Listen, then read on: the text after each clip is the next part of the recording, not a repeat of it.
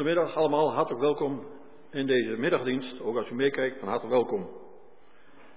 Met blijdschap delen we mee dat vorige week zondag, 19 november, Sarah Jasmijn Elisabeth Wiersma is geboren. Sarah is een dochter van Bert en Martine Wiersma en een zusje van Job. Voor de vacature van jeugdouderling heeft de kerkraad zuster Mariolijn Wolf benoemd. Voor de vervulling van de vacature voor ouderlingen heeft de kerkraad de volgende zusters gekandideerd. Tanja Langevoort en Majoke van Velen. De verkiezing zal Deo Valente plaatsvinden in de vergadering op zondag 10 december, aansluitend aan de morgendienst. De begeleiding in deze dienst is voor het eerst in onze gemeente in handen van Henry Knol uit Nunspeet. Welkom, fijn dat u er bent. Deze dienst gaat voor door Klaas van de Geest uit Deventer. U ook welkom en een gezegende dienst toegewenst.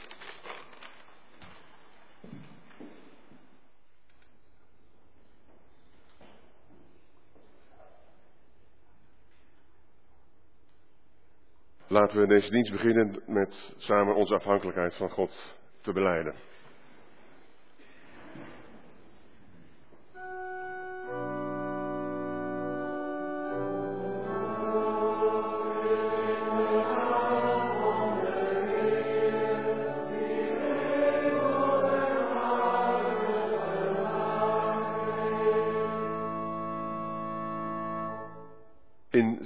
Mag ik u en jou begroeten. Genade voor u en vrede van hem die is en die was en die komt. En van de zeven geesten die voor zijn troon zijn. En van Jezus Christus. Hij is de betrouwbare getuige, de eerstgeborene uit de doden.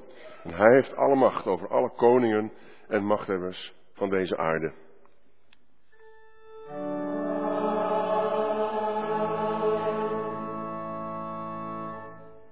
Macht. In Psalm 2 wordt dat ook bezongen, dat alle koningen en machthebbers van de aarde uiteindelijk voor hem alleen hebben te knielen. En dat komt ook nog op een moment terug in de preek straks.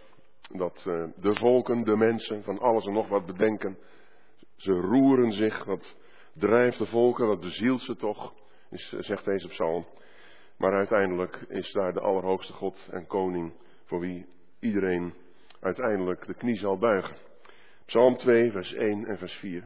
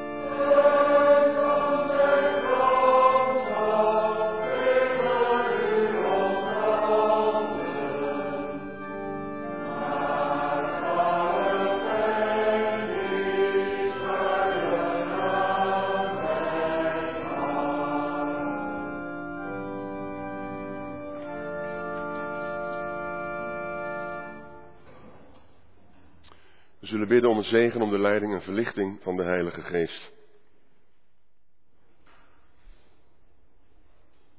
Wat drijft de volken en wat bezielt ze toch, de mensen? Dat hebben we ons ook afgelopen week afgevraagd toen er verkiezingen waren. Als we naar de uitslagen kijken, wat drijft de mensen dan?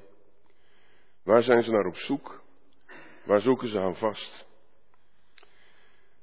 Heer, wij zijn gekomen bij U, in Uw huis, omdat U de God bent bij wie we mogen schuilen. Zoals we zojuist ook zongen met de woorden van Psalm 2. Bij U mogen we schuilen, omdat U ons veilig thuis brengt. U bent de God die spreekt. Niet op een geheimzinnige, verborgen manier, maar herkenbaar en betrouwbaar. U spreekt door uw woord en geest. Uw woord is een lamp bij onze voeten, een licht die een pad zichtbaar maakt dat we kunnen gaan. Een licht waarbij we kunnen leven. Want ten diepste is dat het licht van de wereld, Jezus zelf, het licht dat daarin schijnt. Hij is de goede herder. Aan Hem mogen we ons toevertrouwen, omdat Hij zijn leven geeft voor de schapen. Zijn betrouwbare stem herkennen we als de waarheid. Van Hem die de weg, de waarheid en het leven is.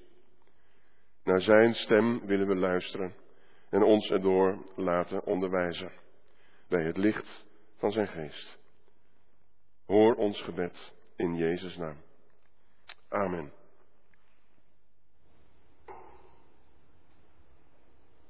We maken een begin met de behandeling van de tien woorden van het verbond, de tien geboden, zeggen we ook vaak.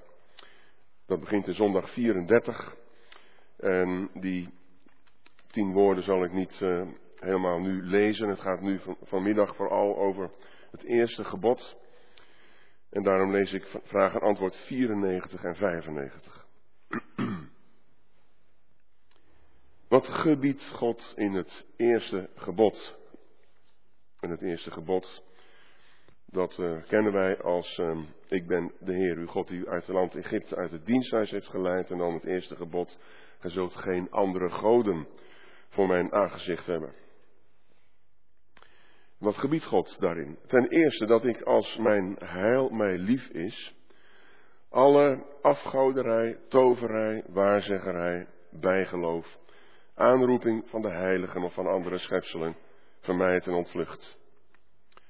Ten tweede dat ik de enige ware God naar waarheid leer kennen.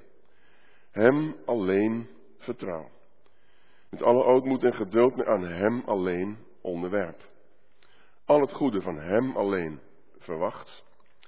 Hem met heel mijn hart lief heb, vrees en eer. En wel zo dat ik eerder alle schepselen prijs geef, dan dat ik het minste of geringste tegen zijn wil zou doen. En wat is afgoderij? Afgoderij is in plaats van de enige ware God die zich in zijn woord geopenbaard heeft, of naast hem iets anders verzinnen of hebben, waarop de mens zijn vertrouwen stelt.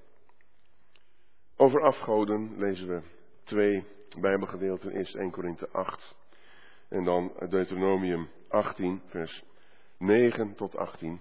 En dan zingen we ook over wat dat voor goden eigenlijk zijn, met Psalm 115, vers 1, 2, 3 en 5.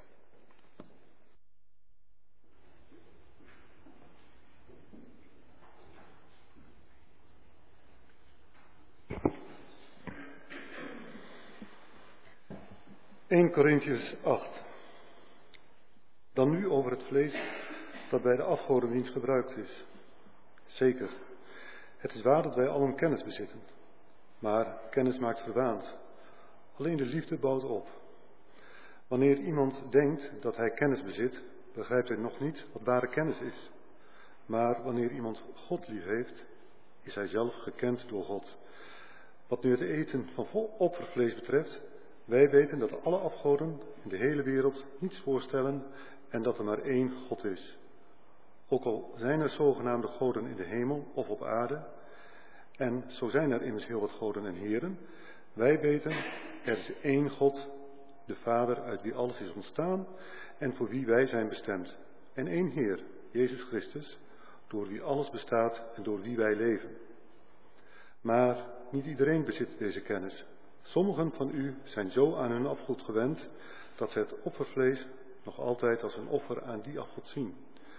Als ze er dan van eten, wordt hun geweten, dat zwak is, bezwaard. Nu zal ons voedsel ons niet bij God brengen. Eten wij niet, dan zal ons dat niet ten nadeel strekken. Eten wij wel, dan zal ons dat niet tot voordeel strekken. Maar let erop dat de vrijheid die u hebt geen struikelblok wordt voor de zwakken onder u. Wanneer namelijk iemand met een zwak geweten ziet dat u, met uw kennis, in een afgodentempel deelneemt aan een maaltijd, wordt hij er dan niet toe aangemoedigd dat offervlees te eten? Zo gaat de zwakke door uw kennis verloren, een broeder of zuster voor wie Christus gestorven is. Op die manier zondigt u tegen hen en door hun zwakke weten te ondermijnen, zondigt u tegen Christus. Als ik dus door vlees te eten mijn broeder of zuster ten val breng, wil ik het nooit of ten nimmer weer eten. Dan breng ik hen niet ten val.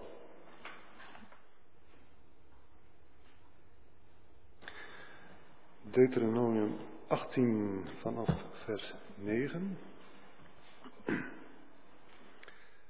Wanneer u in het land komt dat de Heer uw God u geven zal, mag u de verfoeilijke praktijken van die volken daar niet navolgen. Er mag bij u geen plaats zijn voor mensen die hun zoon of dochter, dochter als offer verbranden, en evenmin voor waarzeggers, toekomstvoorspellers, wiggelaars, tovenaars, bezweerders en voor hen die de geesten raadplegen of doden oproepen. Want de Heer afschuwt mensen die zulke dingen doen en om die verfoeilijke praktijken verdrijft hij deze volken voor u. U moet volledig op de Heer, uw God, gericht zijn. Ook al luisteren de volken in het land dat u in bezit zult nemen wel naar toekomstvoorspellers en waarzeggers, u heeft de Heer, uw God, dat verboden. Hij zal in uw midden steeds weer een profeet laten opstaan. Een profeet zoals ik. Naar hem moet u luisteren. U hebt de Heer daarin zelf om gevraagd toen hij u bij de Horeb bijeen was. U zei, wij kunnen het stemgeluid van de Heer, onze God, en de aanblik van dit enorme vuur niet lang verdragen. Dat overleven we niet. De Heer heeft toen tegen mij gezegd, zij hebben goed gesproken. Ik zal in hun midden steeds weer een profeet laten opstaan. Een profeet zoals jij. Ik zal hem mijn woorden ingeven en hij zal het volk alles overbrengen wat ik hem opdraag. Wie niet wil luisteren naar de woorden die hij spreekt, in mijn naam zal ik de verantwoording roepen.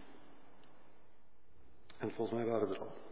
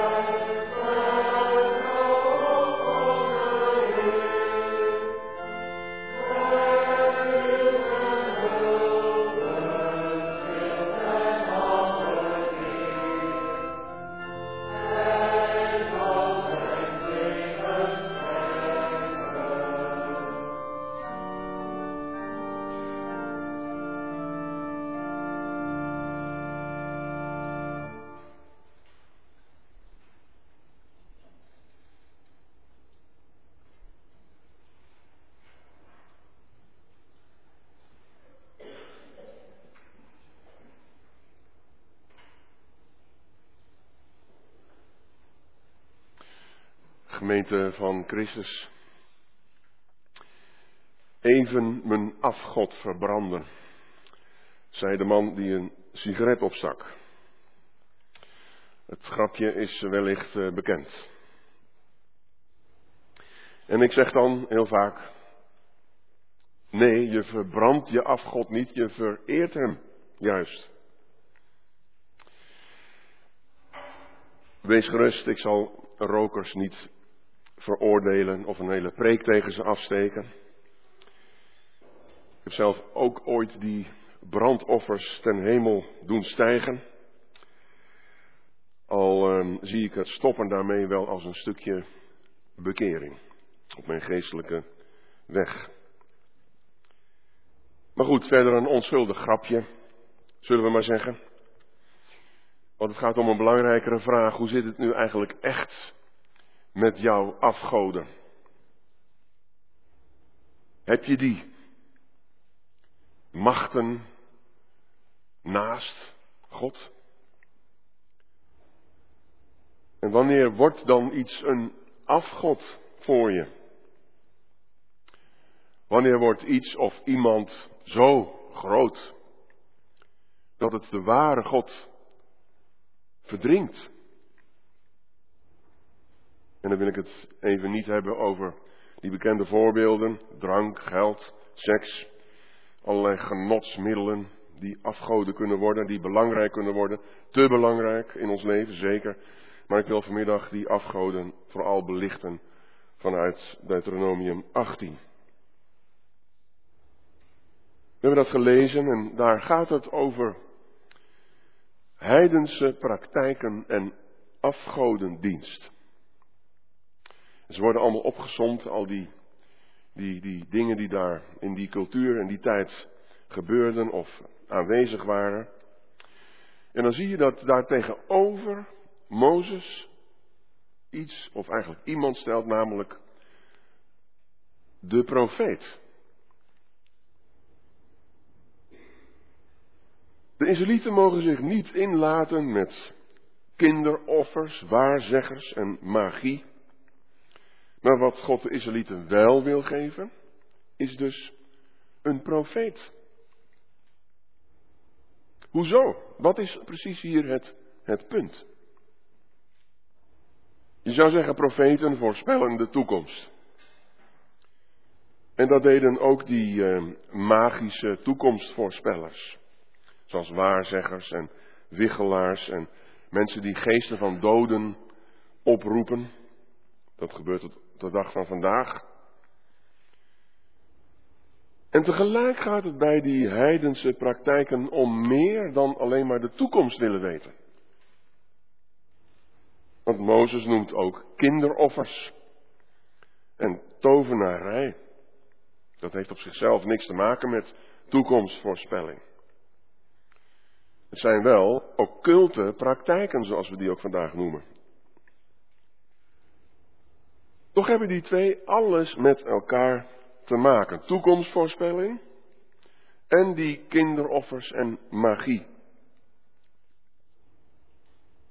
Want ga maar na, zodra je de toekomst voorspeld krijgt, de toekomst zogenaamd weet, moet je vervolgens proberen om die toekomst ja, in een goede richting zien te krijgen, te beïnvloeden.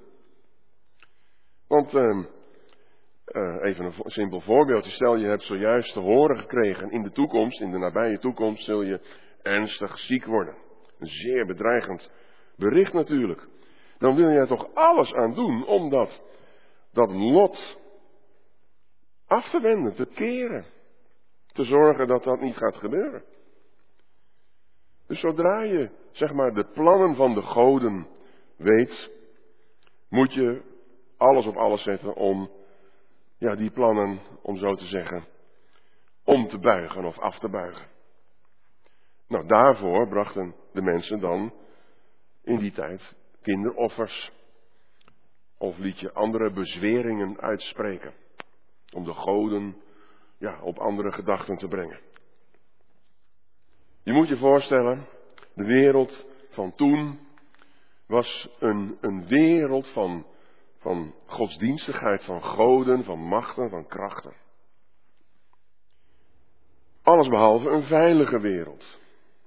Want goden waren eigenlijk geen goede machten, eerder duistere krachten. Die goden waren eerder een bedreiging dan een, een bron van troost en zegen. Goden vormden eigenlijk een soort grillige, onbetrouwbare machten. En dat was de wereld waarin de Israëlieten leefden.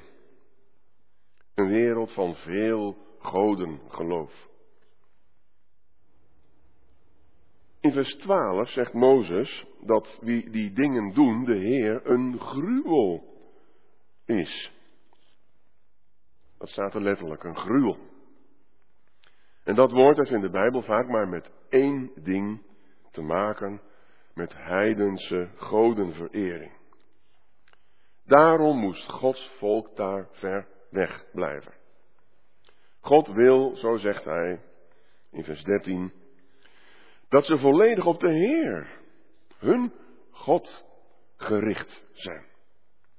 Dat ze helemaal op Hem, op Hem alleen vertrouwen. Heb geen angst voor die onzekere toekomst, is eigenlijk de boodschap. Vertrouw je nou toe aan de enige betrouwbare God. Zoek geen andere bronnen van informatie of zekerheid of hou vast. Vertrouw alleen op God. Hij is immers de God die je uit slavendienst heeft bevrijd. Bij Hem ben je dus veilig bij Hem. Alleen vind je rust. Nu, en tegenover heel die godenmanipulatie, zeg maar, staat nu heel simpel de profeet. Een profeet zoals ik, zegt Mozes. En later wordt het herhaald, zoals jij, zegt God. Bedoelt God daarmee dat hij het volk een profeet belooft van het kaliber Mozes? Nee, dat niet direct. Om te beginnen was Mozes niet echt een profeet, meer een leider, die het volk uit, is uit Egypte leidde. Maar vooral is dat zoals ik en zoals jij verbonden met de woorden in uw midden. In de Statenvertaling en in de oude vertaling 1953 zie je dat ietsje duidelijker. God belooft zijn volk een profeet profeten in de toekomst, die net als Mozes uit het volk, uit het eigen volk, afkomstig zullen zijn. Daarmee bedoelt God niet iemand van jullie eigen soort, van jullie eigen ras en bloed. Nee, het gaat om iemand die ook bij God hoort, bij het verbond dat hij met zijn volk heeft gesloten. Het gaat dus om die tegenstelling hier tussen afgodisch heidendom en het dienen van de Heer, de God van het verbond. Want juist om hun afgodische leven verdrijft God die andere volken uit Canaan. Lezen we hier in vers 12. Om die verfoeilijke praktijken verdrijft hij deze volken voor u uit. Hier maakt God dus de grootst mogelijke afstand tussen het heidense leven van die tijd en die cultuur en zijn heilige, apart gezette volk. Tegenover veel godengeloof het vertrouwen op de enige ware God. Nu, en die God, de enige ware, die legt contact met zijn volk via profeten. Daar hadden ze trouwens zelf om gevraagd. Om niet te zeggen om gesmeekt. Je hoort het hier ook langskomen. U hebt de Heer daar immers zelf om gevraagd. Toen u bij de Horeb was. Wij, u zei, wij kunnen het stemgeluid van de Heer, onze God, en de aanblik van dit enorme vuur niet verdragen. Dat overleven we niet. Nu, daarom geeft God in zijn wijsheid en goedheid profeten. Mensen die namens Hem spreken. Mensen in wie je de stem van de goede herder herkent. Zo'n herder volgen de schapen vol vertrouwen. Omdat ze zijn stem kennen. De vertrouwde stem van de goede herder, van de goede boodschap, van redding en verlossing. Dus God stuurt zijn volk profeten die uit dat volk afkomstig zijn, die bij dat volk horen, bij dat volk dat bij God hoort. En die net als dat volk samen ook schuilen bij diezelfde God. En op Hem vertrouwen. En die daarom ook zelf betrouwbaar zijn, te vertrouwen. Samen kinderen van één Heer. Dat wekt vertrouwen. Dat geeft steun in een onzekere wereld, een wereld van leugen en angst. Profeten die de waarheid spreken, die Gods waarheid spreken, herken je als je op Hem vertrouwt. Ze zijn waarachtig, ze zijn betrouwbaar. En nu zien we ook wat dat ons vandaag misschien te zeggen heeft.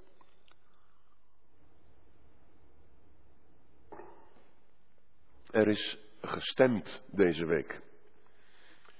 Het volk heeft gesproken. Maar wat willen de mensen? Blijkbaar een meerderheid. Veiligheid tegenover migranten die onze veiligheid bedreigen. Duidelijkheid tegenover slappe leiders met veel mooie woorden. Wat drijft de mensen? Wat bezielt ze? Is het wantrouwen tegenover de zittende leiders? Ja, er is veel rancune en ook angst in de samenleving. Allerlei complotgedachten kwamen de afgelopen tijd naar boven. Duister denken. Alsof je niets en niemand meer vertrouwen kunt. Wie of wat moet je dan geloven? Bij wie ben je nog veilig? Wat hebben we nodig in deze tijd, in een verwarrende wereld? Nu, wat anders dan eenvoudig de waarheid. De waarheid en de betrouwbaarheid van God zelf. En dan leren we hier een hele waardevolle les. Zoek je zekerheid niet in allerlei duistere bronnen die niemand kan controleren, maar zoek juist het volle licht. Complotdenken voedt alleen maar de angst. Dat er alleen nog maar leugens om je heen zijn. En dat niemand meer transparant is, eerlijk, betrouwbaar. Hoe kun je dan in zo'n klimaat nog één aardse, menselijke politicus of enige institutie vertrouwen? Als wantrouwen, als angst, als leugens gaan regeren, dan hollen we als samenleving zo het ravijn in. Van een leven zonder hoop. Een zwart gat. Een lege wereld. Hoe vind je rust? Waar vind je zekerheid? En het antwoord is eenvoudig bij de profeet. Dat wil zeggen bij God die spreekt. Want dat is de tegenstelling die hier uiteindelijk wordt gemaakt. De keuze zou je zelfs kunnen zeggen, waar het om gaat.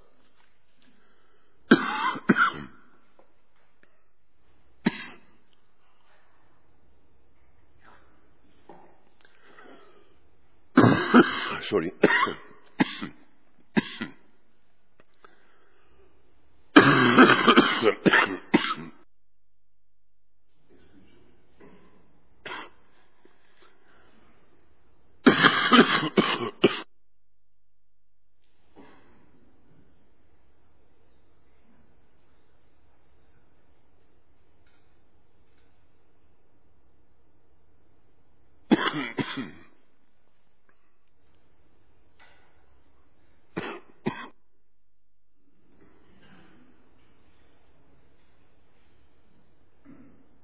goden van toen, ze vormen één kakofonie van leugens en angst. Maar die goden zijn uiteindelijk niets. Zo noemt de Bijbel ze ook, letterlijk, nietsen. Nullen, leeghoofden.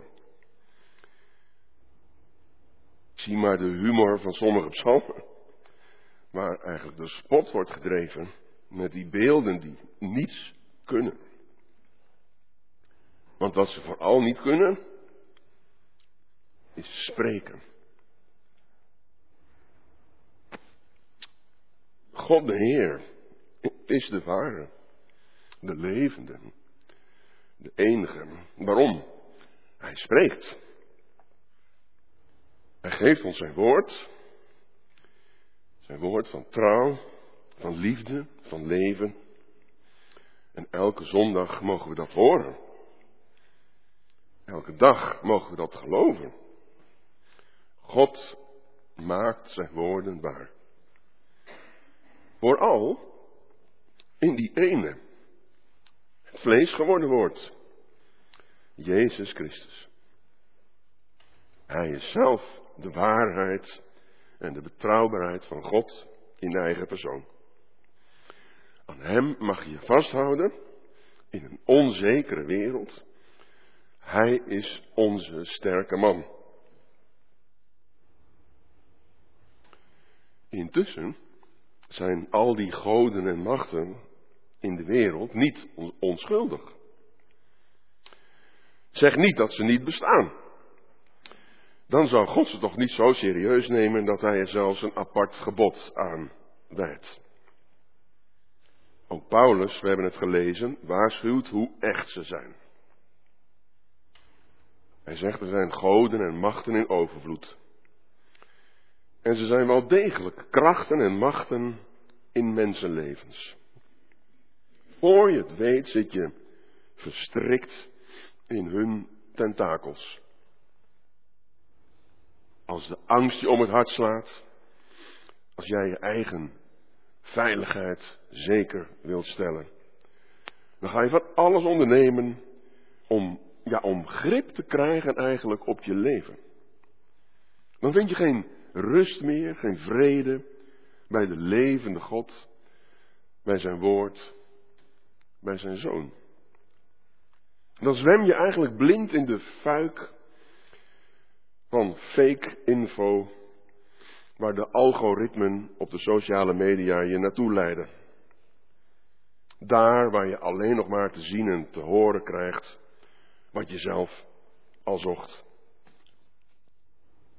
Nee, blijf als je op God vertrouwt, weg uit de krochten van het internet, waar duisternis en leugen regeren. Luister alleen naar de profeet.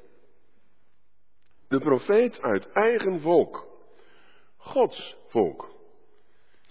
Die profeet vertrouw je.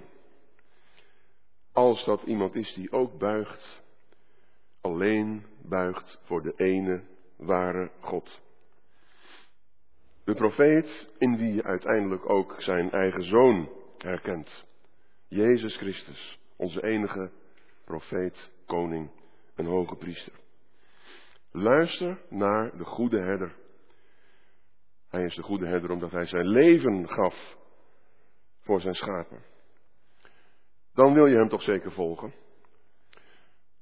Als schapen die hem kennen, die hem lief hebben, omdat je door hem geliefd bent, omdat hij ons kent als geen ander, omdat hij de weg is, de waarheid het leven. Amen. Laten we samen zingen over dat vertrouwen. Ik bouw op u, mijn schild en mijn verlosser.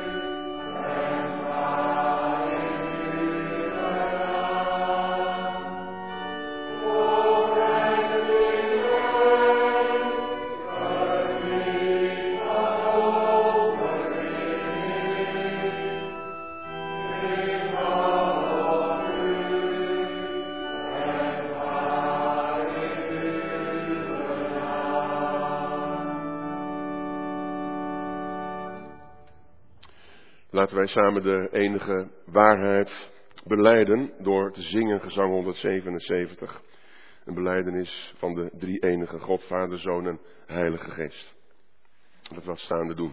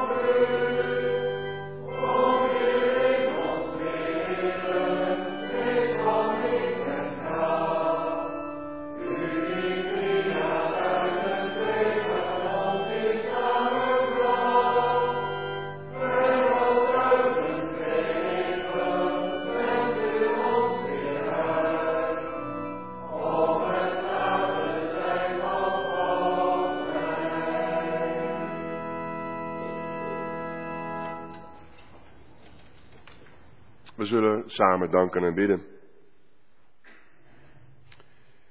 Heer, onze God, onze trouwe Vader in de hemel.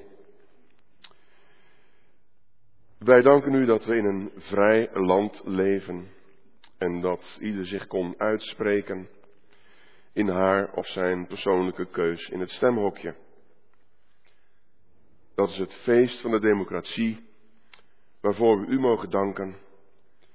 En we bidden u voor al die landen waar dat zomaar niet kan, waar persoonlijke overtuigingen worden weggedrukt, soms met geweld. Toch weten we ook dat democratie niet betekent dat het volk regeert. Want dat volk, ook het volk van Nederland, is veelkleurig en veelstemmig. En democratie is dan ook niet dat de sterkste wint, maar dat de zwaksten worden beschermd. Dat er ruimte is voor iedereen. Zo sluit deze regeervorm aan bij uw evangelie.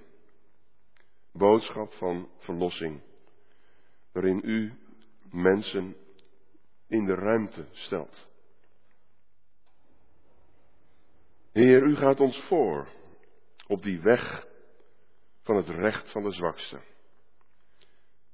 Doordat u zelf de zwakste werd in Jezus Christus, onze Heer. Daarom schuilen we bij Hem, bij Hem alleen. We kunnen zo onze zorgen hebben over de toekomst van deze wereld, de nabije toekomst ook van ons land. En tegelijk zijn wij onderdanen van uw hemelse koninkrijk. Ten slotte worden wij alleen geregeerd door u, door uw Zoon Jezus Christus op de troon. Help ons daarom onze afgoden te verbranden, ze vaarwel te zeggen, onze zekerheden en schijnzekerheden, om het te wagen met Hem alleen. Hij die onze profeet is, die uw woord openlegde in zijn leven en werk, zijn sterven en opstaan. Zo is Hij de waarheid en betrouwbaarheid in eigen persoon. Gaat u zo met ons weer verder, de komende week weer in. U weet wat ons te doen en te wachten staat. Houd u ons vast en help ons ons aan u vast te houden. En baan onze weg door alles heen, totdat de dag komt dat Jezus onze hoogste profeet, koning en leraar, verschijnt. Onze hoge priester, die zelf de weg tot u heeft geopend. Hoor ons in zijn naam. Amen.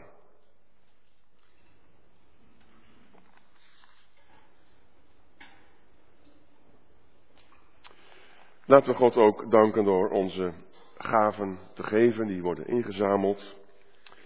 En als laatste lied zingen we dan straks het woord dat u ten leven riep, is niet ver weg, maar in je hart mag het zijn en in je mond. En is uiteindelijk het woord van bevrijding door Jezus Christus.